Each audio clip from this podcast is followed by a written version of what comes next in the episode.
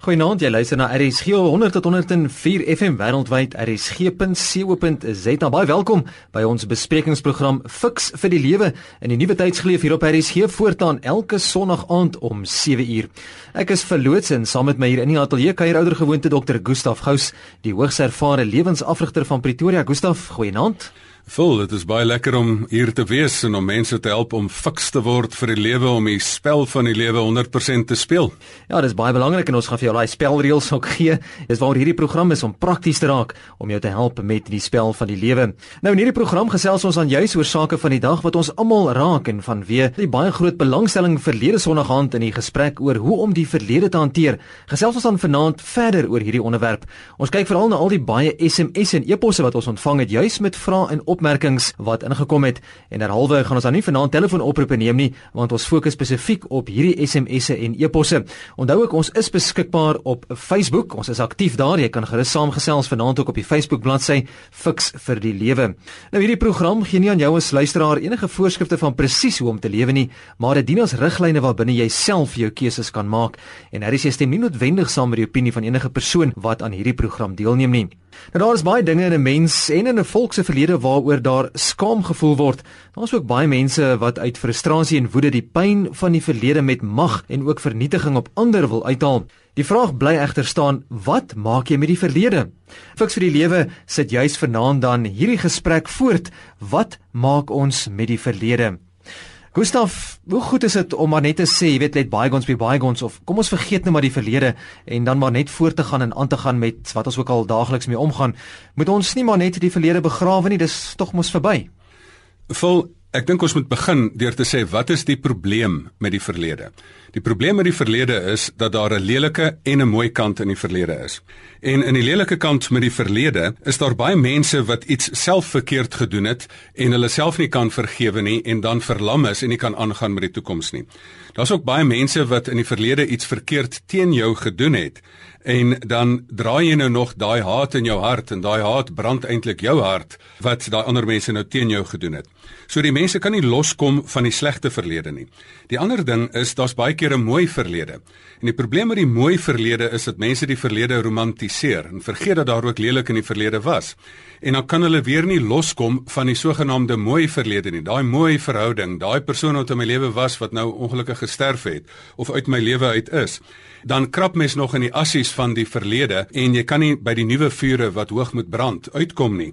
So ek dink dit is die hele probleem met die verlede, die lelike en die mooi verlede. Maar om jou vraag direk te antwoord, daar is 3 goeters wat jy met die verlede kan doen en twee waarvan verkeerd is. Jy moenie die verlede probeer vergeet nie. So ons moenie net sê kom vergeet die verlede nie, let bygones be bygones nie.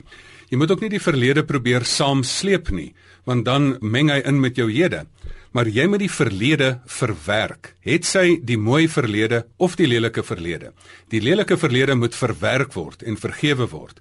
Die mooi verlede moet verwerk word en verpak word sodat jy kan aangaan met die toekoms. Ja, ons is baie prakties gewoonlik in die program ook fiks vir die lewe en ons gaan hierdie loop van vanaand se gesprek jy's bietjie uitkom oor hoe mens daardie verwerking moet doen en aanpak. Maar ek hoor al daarse gesegde, die mense praat altyd van om nie ou koeie die sloot uit te grawe nie. In ons herinneringe van die verlede, behoort sulke ou koeie dan eerder in die graf gelaat te word, moet daar nie juis oor hierdie verlede gepraat word nie. Vol, dit is die ou klassieke ding wat gewoonlik in argumente tussen mans en vrouens opduik. Ja. Dat die een party, ek gaan nie sê watter een van die twee dit is nie, onthou skielike ding hier uit die verre verlede van dit het jy nog daai tyd op daai dag teen my gedoen en dan staan jy stom van verbasing dat iemand hierdie uit daai ou argief of daai ou koeie die sloot uitgegrawe het.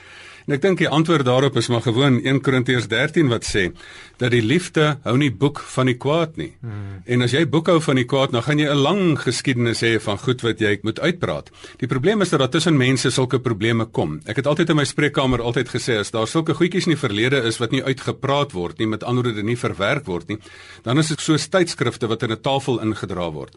Mense dra al hierdie ou onverwerkte goedjies en dan sit 'n klein dingetjie en dan los jy hom daar en as jy 10 tydskrifte per dag op 'n tafel sit, na 'n week gaan daar 'n groot hoopie wees, maar na 14 jaar se getroude lewe of verhoudingslewe gaan mense mekaar nie meer kan sien en met mekaar kan praat nie.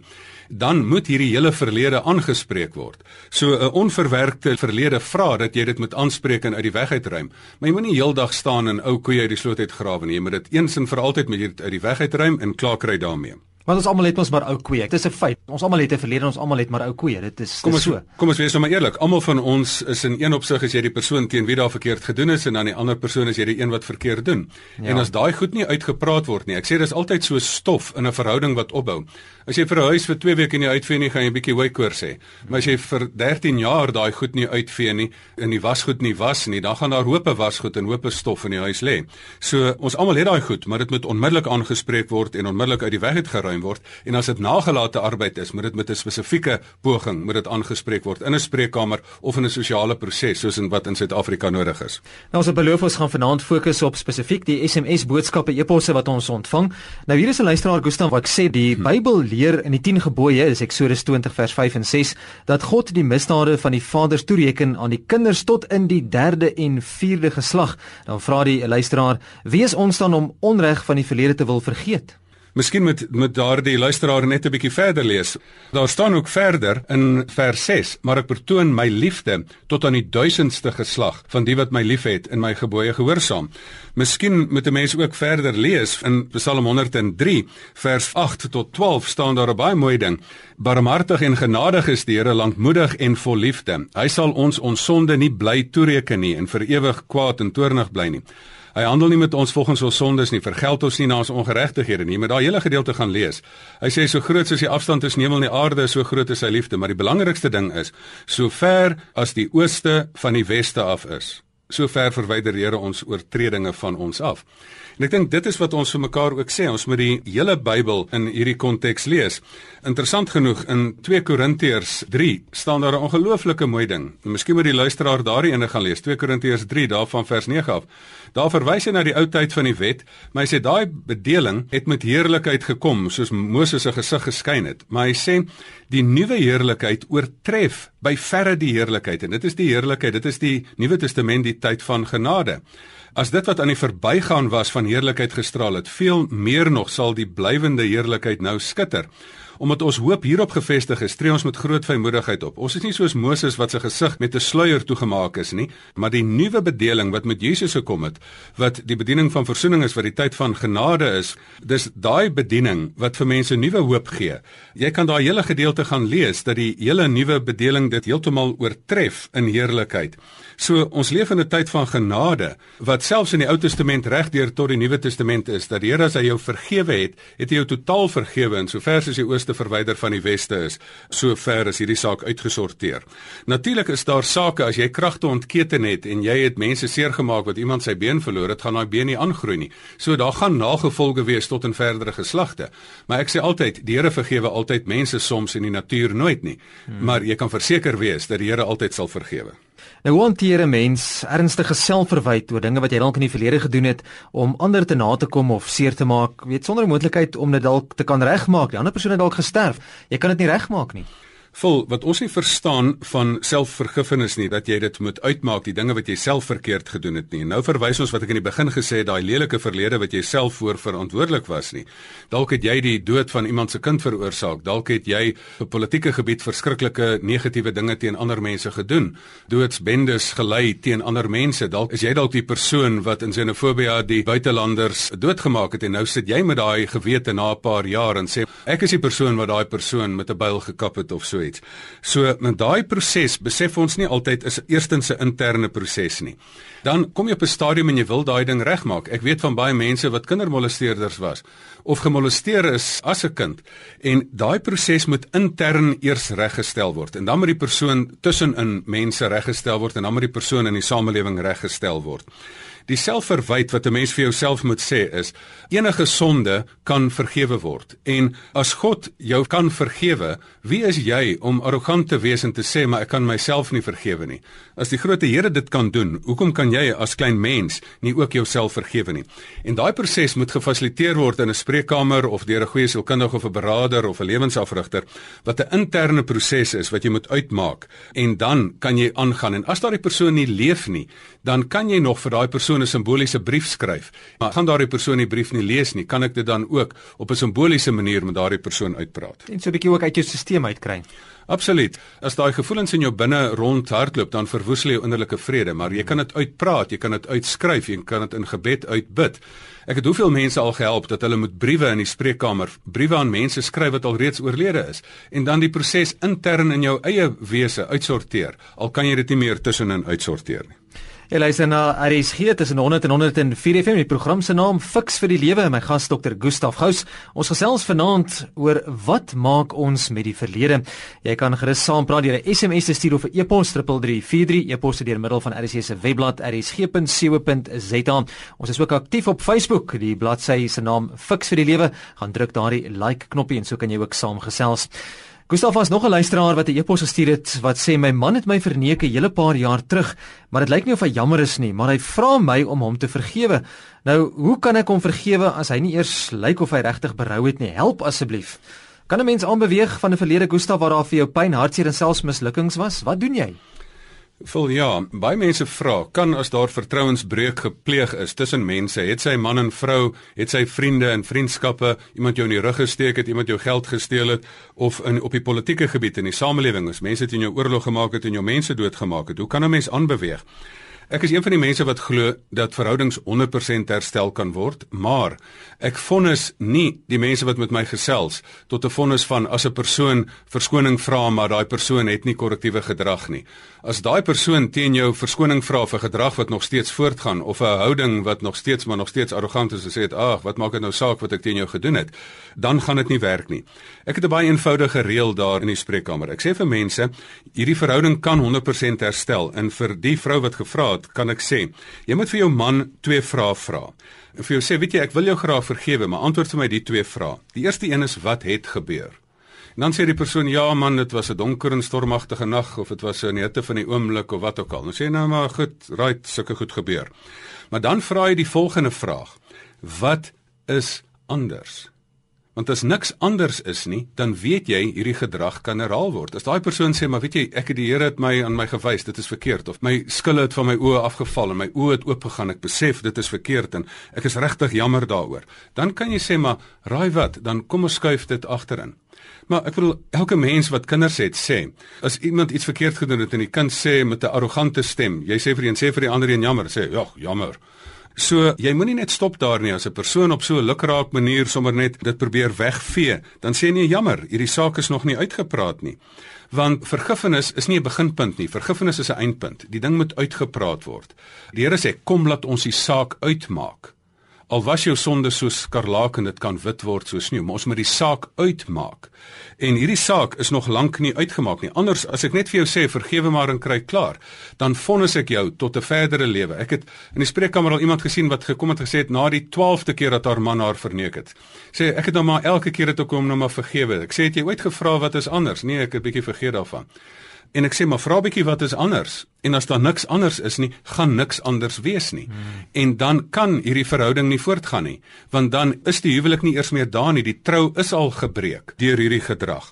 Dit is die direkte antwoord aan ons eposluisteraar. Maar dan, hoe kan 'n mens aanbeweeg na die verlede? Ek dink die belangrikste ding is jy moet hierdie hele proses eerstens in jou hart verwerk en sê weet jy daai persoon het nie eintlik iets oor my gesê nie. Daai persoon het iets oor homself of wat gesê met die gedrag. So ek vat dit nie persoonlik nie. Ek kan jou vergewe Maar ek kan nie net met haat in my hart rondloop nie want haat brand my.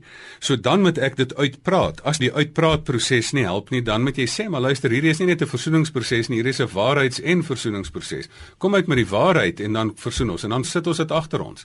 As daar opregte berou is, maar as jy aanhou sondig, dit is wat die sonde teen die Heilige Gees so genaamd is. Dat as jy net aanhou sondig en jy het geen berou nie, dan is die ding maar net nooit herstel nie. En dan moet jy vir daai persoon sê, maar hierdie verhouding kan nie so aangaan nie tot hierdie ding nie uitgepraat is nie. Ek sien ook 'n SMS van iemand wat gesê het ek het gehoor dat soos jy deur jou motor se groot ry vorentoe kyk, kyk jy in jou klein triespieeltjie terug en dan ook die bekende skrywer Eckhart Tolle wat eendag gesê het solank as wat jy vir jouself 'n identiteit skep uit pyn, verwys natuurlik na die verlede, kom jy nooit los daarvan nie. Gustaf, is dit nie dalk die probleem met ons hantering van die verlede nie dat ons persoonlikheid daarin vasgevang word en ons daaraan bly vaskleef? Vol, dit is een van die mooiste aanhalings van Eckhart Tolle wat nou daar is dat jy nie vir jou jou identiteit moet skep uit die pyn van die verlede nie. Daar's baie mense wat half eintlik in hierdie slagoffermentaliteit wil vashou want dan kry hulle simpatie en dan kan jy sê maar kyk net hoe is ek teen gediskrimineer. Weet jy jare terug toe daar in die sogenaamde Anglo-Boereoorlog mense in konsentrasiekampe gesterf het, moet ek nou vandag nog gaan sit en sê ek vind my identiteit van my volk, my mense was mense wat in 'n volksmoord betrokke was teenoor die ander mense en bly ons aan jammer kry en asseblief gee vir ons simpatie omdat ons nou so teen gediskrimineer is. Asseblief man, mense stap ons 'n bietjie aan daarso. En dit moet 'n mens ook nie doen nie as jy vir jou in 'n slagoffermentaliteit ook wil vashou en sê maar ek is nou maar nog steeds die slagoffer van apartheid. Ek sê nee man, hoeveel mense was daar in die apartheidstyd wat nie 'n slagoffer was nie wat gesê het maar ek gaan nooit 'n slagoffer wees nie ek gaan 'n oorwinnaar wees in hierdie hele proses. So ek dink jy moet nie vir jou identiteit skep uit die pyn van die verlede nie. Wat ek wel weet is politici hou hiervan. Hulle wil daai emosie opwek, hulle wil die emosie lewendig hou en wil eintlik 'n bietjie haat lewendig hou want ons kan in 'n groep lekker saam wees as ons 'n gesamentlike vyand het. Die probleem is net as daai vyand wegval dan val die kohesie nou weer ook weg. Die belangrikste is ook jy moet nie bestuur deur heeltyd in die truuspeeltjie te kyk nie. Selfs in 'n besigheid kan jy nie die besigheid bestuur deur na die finansiële verslae van die verlede te kyk nie. Jy moet visionêr na die toekoms toe kyk. Daarom is die belangrikste ding, jy moet in hierdie spanningsveld tussen hede en verlede en toekoms, moet jy mooi besef, die verlede is slegs daar as 'n wegspringplek sodat jy in die hede voluit kan leef en die toekoms kan skep. Maar as jy enigsins vasgevang is in die verlede, dan is jy soos 'n atleet wat 'n rubberband om jou lyf het en jy kan net nooit uit die wegspring wegspringblokke uitkom nie. So ons moet in hierdie kreatiewe spanning tussen hede en verlede en toekoms moet ons vorentoe leef en nie agtertoe nie. Ek wil 'n bietjie uitkom by daardie mense hoor baie keer mense wat sê ja, ek sal jou vergeef, maar ek sal dit nooit vergeet nie. Is een van die grootste probleme met mense hantering van die verlede nie dalk juis dat hulle onreg en pyn wat hulle aangedoen is dalk nie kan vergeet of kan vergewe nie.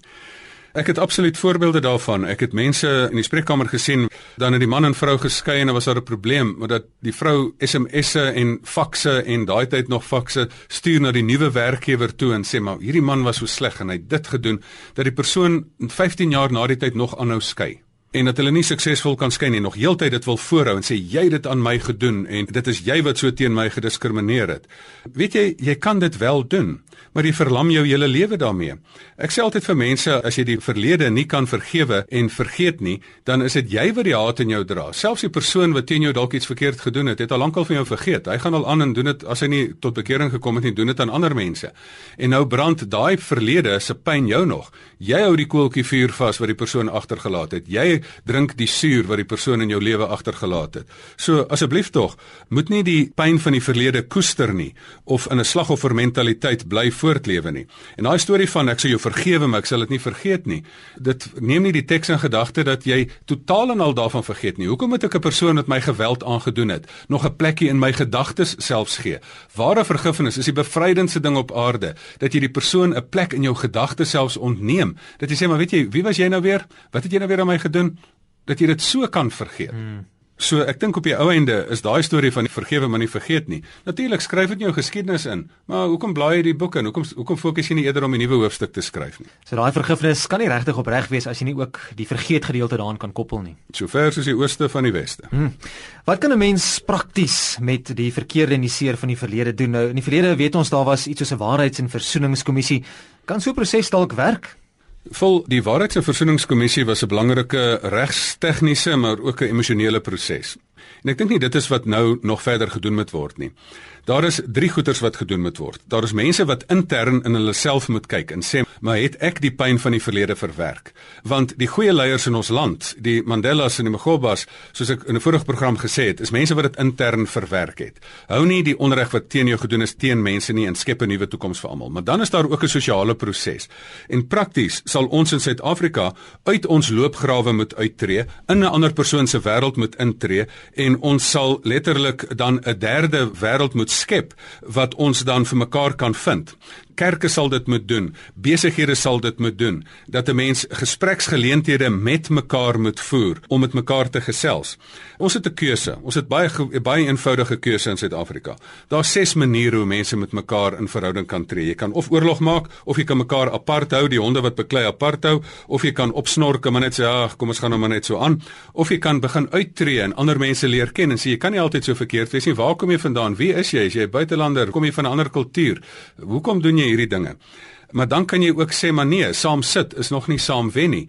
So jy moet op 'n punt kom dat jy saam met iemand gaan sit en sê maar hoe kan ons ook die gereedskap kry om saam in dieselfde span te speel? Ons sportspanne is 'n goeie voorbeeld van as iemand van 'n ander ras die drie druk en jou help wen, dan wen jy saam. So ons moet die gereedskap kry om in sportspanne en in besigheidsspanne en in munisipaliteite mekaar se talente te benut, waarde te uitmekaar uit te put wat 'n mens dan kan waardeer van mekaar en dan letterlik van mekaar begin hou. So wat ons hier nodig het, is ons het ernstige sosiale prosesse nodig. Ons het nodig dat die regering geld gee vir sulke prosesse, dat liefdadigheidsorganisasies of nie winsgewende organisasies hierdie programme loods. Ons Suid-Afrika is in die moeilikheid omdat hierdie dinge nie gedoen is nie. Daar's net op wetgewing klem gelê om ons bymekaar te bring. Jy moet nou integreer in hierdie sportspan of jy moet nou integreer in daardie besigheid. Daar's op die wetgewing klem gelê, maar daar's vir ons nie 'n gereedskap kus gegee om vir ons te leer hoe om bymekaar te wees nie. Dis soos 'n huwelik. Dit is baie wonderlik wonderlik om te trou, maar hoe deel jy vierkante ruimte? Almal wat trou, moet vir huweliksvoorbereiding gaan. En ons moet vir verhoudingsvoorbereiding gaan. En dit is wat ons in Suid-Afrika vergeet het om te doen. En al die instansies moet nou inspring om dit te doen.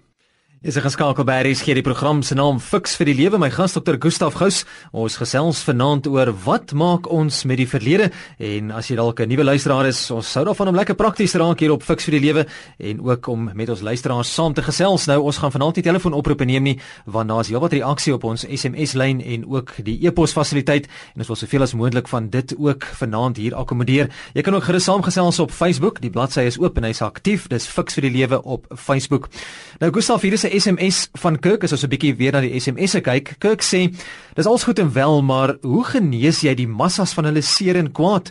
En dan Elsa van Port Elizabeth vra baie dieselfde vraag in haar SMS. Sy sê: "Hoe kan die massas daar buite bereik word om hulle denkwyse te verander?" Nogal relevante vraag. Vol, daar is 3 stappe.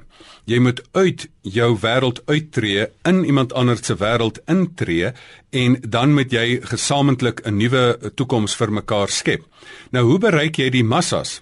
Weet jy, die massas word bereik deurdat een persoon uittreë na een persoon in die massa en dat dit uitkring verder. Die massas word een-een bereik.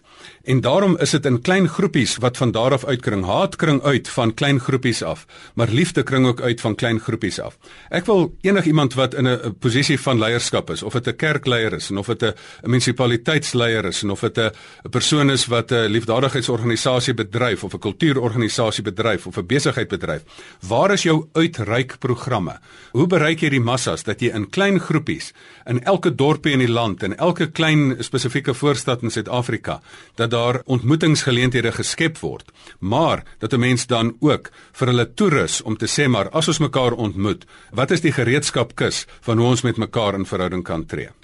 Ons hoor en sien baie in die sosiale media en die nuusblaaie en so aan ook. Jy's op jong vlak, kindervlak, skoolvlak waar veral jong kinders mekaar te nakom en so aan. En ek sien jy's 'n luisteraar vra 'n vraag 'n SMS wat ingekom het wat sê kinders van 10 of 12 jaar waar kom emosionele verwerking ter sprake as hulle die voorbokke is by die vernietigingsprosesse? En jou kinders kan mekaar so vernietig op daai ouderdom Gustaf Vol, dit is vir my net 'n teken van swak leierskap want baie keer daai kinders was nie eers betrokke by die pyn van die verlede nie, maar dat daar ouers is of gemeenskapsleiers is wat die haat eintlik wil oordra na die kinders toe.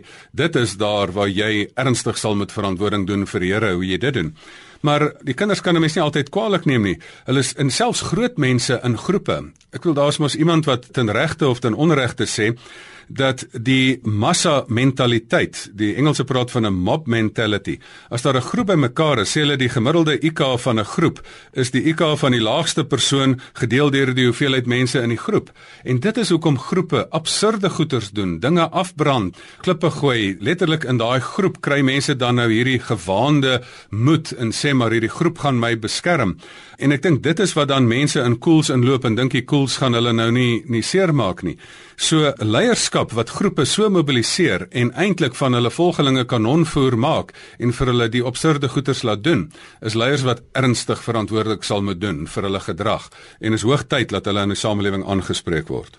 Ons gaan binnekort ook uitkom by 'n SMS van 'n voormalige soldaat in Baap Howick. Ek gaan ook binnekort jou SMS hanteer, maar Gustav, ek wil eers by jou hoor, hoe moontlik is dit om die verlede, al was dit ook nou al hoe pynlik, heeltemal te kan verwerk sonder dat dit 'n meelsteen vir jou word met betrekking tot die bou van positiewe verhoudings en watter rol speel 'n mens se gedagtes in hierdie hele proses? Vol, kom ons doen 'n eenvoudige oefening.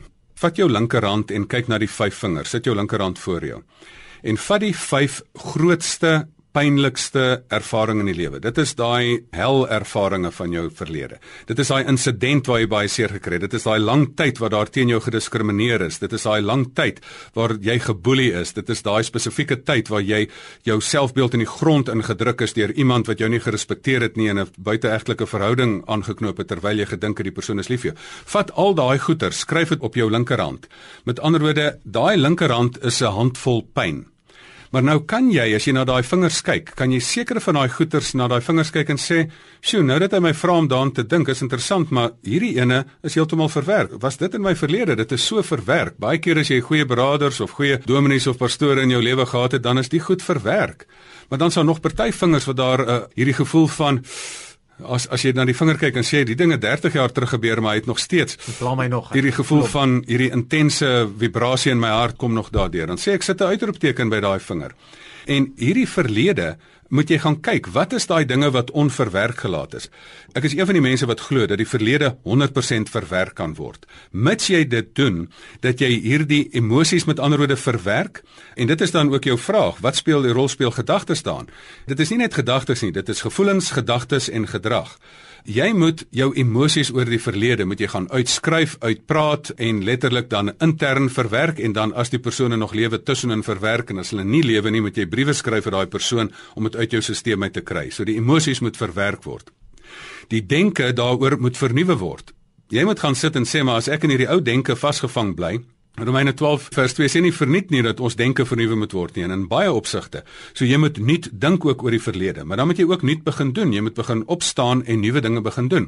Hoekom in die ou geskiedenis vashak in plaas daarvan dat jy nuwe geskiedenis elke dag skep? Ek glo dat die verlede heeltemal verwerk kan word, maar dit is 'n proses wat jy met professionele persone moet gaan deurpraat en as jy 'n vinger vanaand het wat daar 'n uitroepteken op by is, waar daar iets is wat jy nog hierdie gevoel van het, dan moet jy uh, met iemand gaan praat en gaan sê nou moet ek 'n afspraak maak dat ek vrykom van die verlede want hierdie jaar vingers moet nie hardnekkig my vashou aan die verlede nie.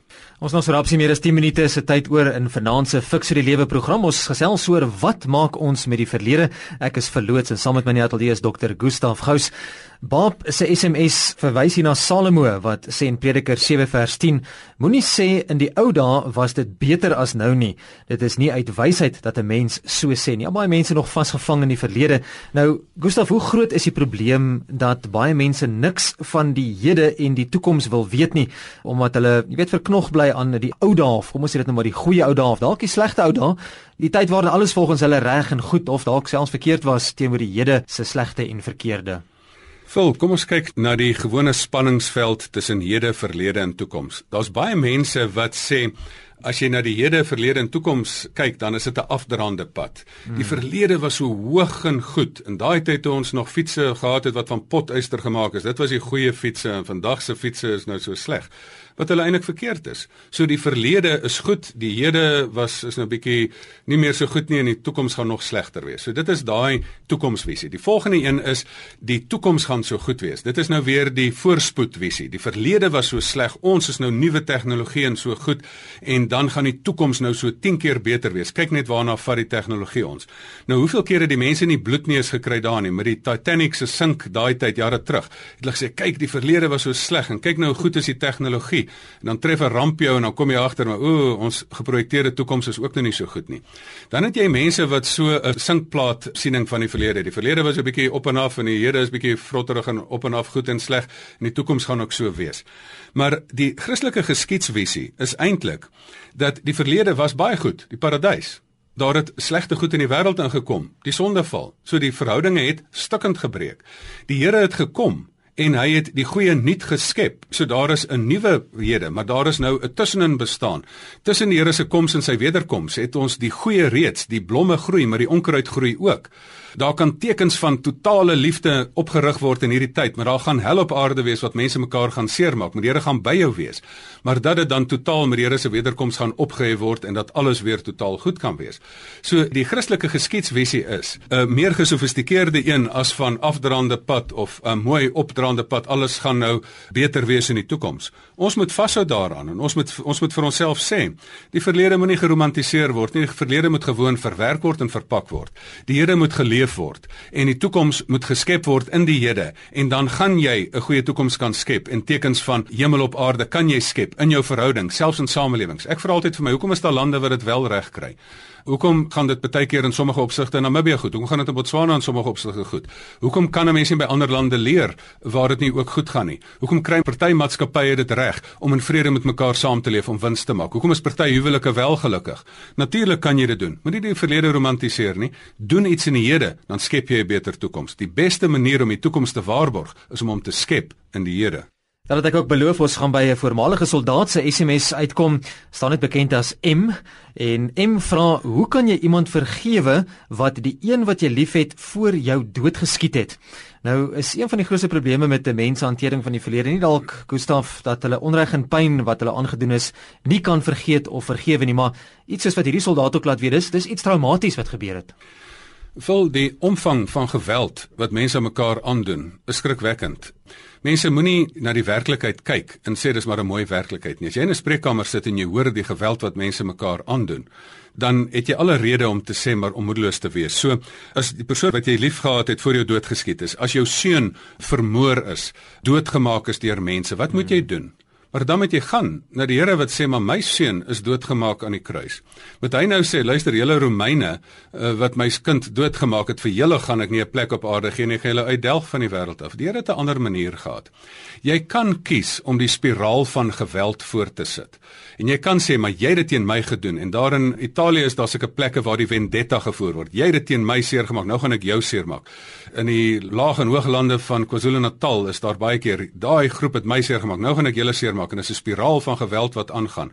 Een van die ses maniere hoe mekaar, mense met mekaar kan relate is jy kan oorlog maak, maar oorlog bepaal nie wie reg is nie, dit bepaal net wie oor is. En jy kan in die hele proses kan jy sterf. So daar's 'n ander manier. Jy hoef nie die spiraal van geweld voort te sit nie.